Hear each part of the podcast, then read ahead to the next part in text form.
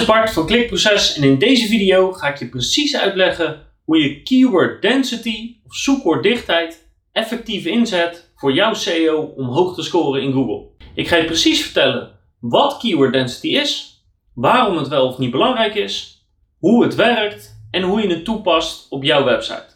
Keyword density of zoekwoorddichtheid is een getal wat aangeeft hoe vaak jouw zoekwoord op exact die manier geschreven voorkomt in de tekst. Dus welk percentage van de totale tekst is jouw zoekwoord? Een formule om je keyword density te berekenen is als volgt. Hoe vaak komt een zoekwoord voor? Dat deel je door hoeveel woorden jouw totale tekst heeft en dat doe je maal 100.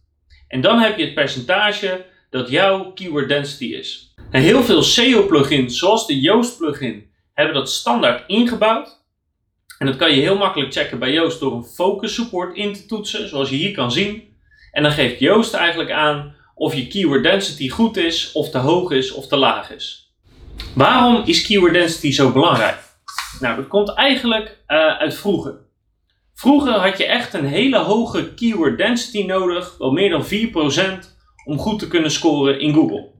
En naarmate de jaren vorderden, is dat percentage eigenlijk steeds meer afgenomen. Tot op het punt waar we nu zijn en dat er niet echt een vast percentage is qua keyword density wat je nodig hebt om te scoren in Google. Bijvoorbeeld omdat er steeds meer video's en afbeeldingen en audiomateriaal op een site geplaatst wordt. Of omdat e-commerce resultaten weer anders zijn dan blogposts. Dus als je mensen hoort over het ideale uh, keyword density percentage van, ja, sommigen zeggen 4% of meer, Heel vaak hoor je ergens tussen de 2 en de 4 procent. Of mensen zeggen onder de 1 procent. Joost beveelt aan tussen een half procent en 2,5 procent. Maar al die getallen zijn onzin. Want niks is per definitie goed. Want het grote probleem met het meten van je keyword density is het volgende. Vroeger maakte je pagina's per zoekwoord. En heel vroeger maakte je zelfs een pagina per zoekwoord, een aparte voor de enkelvoud en voor de meervoud. En tegenwoordig maak je een pagina rondom een groep zoekwoorden. En ook schrijf je steeds natuurlijker. Dus als je wil scoren op het zoekwoord loodgieter Utrecht, dan schrijf je heel vaak loodgieter in Utrecht, loodgieter omgeving Utrecht en je schrijft het gewoon op een normale, natuurlijke manier. Maar als je je wil houden aan de keyword density, dan moet je dus letterlijk het woord loodgieter Utrecht in je tekst zetten. En op misschien een koptekst na is dat eigenlijk maar heel vreemd en moet je dat dus niet doen. Terwijl Google maakt het al lang niet meer uit of je enkelvoud of meervoud gebruikt, of dat je een verbastering gebruikt of een verkleinwoordje, of dat je de woorden tussen zet.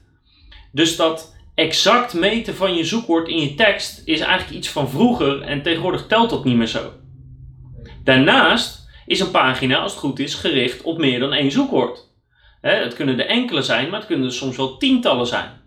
En bijna al die woorden hebben ook weer synoniemen. En dat wil je eigenlijk ook in je tekst plaatsen, net als gerelateerde zoekwoorden. Dus het is veel ingewikkelder geworden dan simpelweg je zoekwoorddichtheid te meten en dat op een bepaald percentage te hebben. Dus, wat moet je dan wel doen? Nou, wat je wel in de gaten moet houden is dat je de belangrijke zoekwoorden wel in je tekst vermeldt. Want als je een zoekwoord er nooit in vermeldt, dan maak je het wel heel moeilijk voor Google om erop gevonden te worden. Dus als je een pagina gaat maken en je hebt daarvoor een lijst met zoekwoorden klaarstaan, zorg dan wel dat je die zoekwoorden minstens één keer erin verwerkt en het liefst wel echt op de manier zoals je het schrijft, de manier waarop mensen zoeken. Daarnaast zijn er een paar elementen die heel belangrijk zijn op je pagina. Dat is de koptekst die helemaal bovenaan staat, de naam van de allereerste afbeelding op de pagina en de alt-tag daarvan, het vermelden van je zoekwoord of een bepaalde versie daarvan in de inleiding, die meestal ook dik gedrukt is, en dat alle relevante zoekwoorden een beetje gesprenkeld zijn door je artikel heen.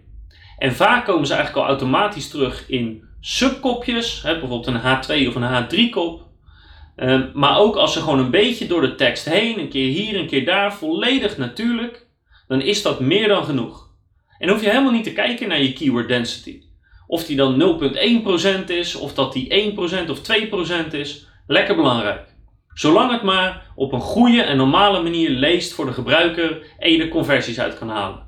Het allerbelangrijkste om te weten van de keyword density is dat er geen enkel bewijs is dat er een directe oorzaak- en gevolgrelatie is of zelfs een correlatie tussen een bepaald percentage en het scoren in Google. Is gewoon niet te vinden. Wat je trouwens ook zal merken als je pagina's langer gaat maken, en dan heb ik het over meer dan 1000 woorden, dat het heel vreemd is om die keyword density zo hoog te houden. Als je een tekst hebt met 2000 woorden en 2% daarvan is jouw zoekwoord, dus dat is 40 keer, dan gaat dat heel erg raar lezen. Dus naarmate de tekst langer wordt, wordt die keyword density eigenlijk alleen maar vreemder. En normaal gesproken, als je natuurlijk schrijft, wordt de keyword density daardoor lager. Daarom moet je keyword density eigenlijk meer zien als een richtlijn dan als een vaste regel. Ja, je zoekwoord moet wel een beetje terugkomen in je artikel, maar als het goed is, als je een blogpost schrijft of een productpagina maakt, dan komt dat toch wel van nature terug. Dus maak je daar verder niet druk op. Wil je toch per se met keyword density aan de slag, of ben je gewend zo te werken, of twijfel je? Doe dan het volgende. Google op jouw hoofdzoekwoord. Pak de top 5 resultaten en haal die door een keyword density checker heen. En in ons blog zal ik naar een aantal van die keyword density checkers verwijzen. Kijk welk percentage van de zoekwoorden bij hun het hoofdzoekwoord is en misschien ook de kleinere zoekwoorden en noteer die getallen. Dan krijg je, als het goed is, vanuit de top 5 een bepaald gemiddelde. En dat kan 1% zijn, 2% of 4%. Maar dan weet je in elk geval dat de pagina's die nu in Google scoren, die percentages aan zoekwoorden hebben. Dus dat moet sowieso goed zijn. Want anders kunnen ze niet in de top 5 staan. Maar ik kan je nu al wel vertellen dat je waarschijnlijk geen patroon gaat vinden. De nummer 1 kan misschien wel 4% eh, keyword density hebben, terwijl de tweede een half procent heeft en de derde weer 2%. Er zit echt geen patroon in, maar wil je toch checken, dan raad ik je aan om het zo te doen. Kijk naar wat er al scoort en blijf daar zo dicht mogelijk bij. Het beste advies wat ik je kan geven is gebruik je zoekwoorden, en dat is als het goed is een rits per pagina, in eerste instantie alleen om je inhoudsopgave en de structuur van het artikel of van de pagina te maken. Schrijf vervolgens je artikel en kijk dan op het eind pas naar je zoekwoorden.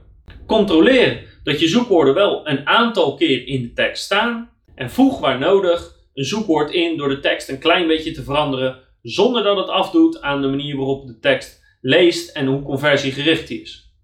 Dan heb je een hele goede natuurlijke pagina die de zoekwoorden op een normale manier erin verwerkt heeft en dan maakt het nogmaals niet uit of die keyword density 1% is of 4%.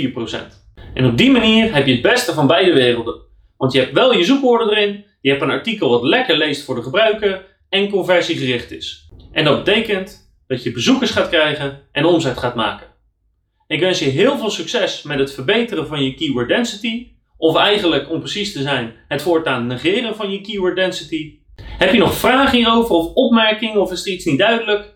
Stuur een mailtje naar bart.klikproces.nl, laat een reactie achter op het blog of op de video, krijg van mij persoonlijk antwoord. En ik zie je graag terug bij de volgende video met nog veel meer advies over SEO, voice search, conversieoptimalisatie en YouTube.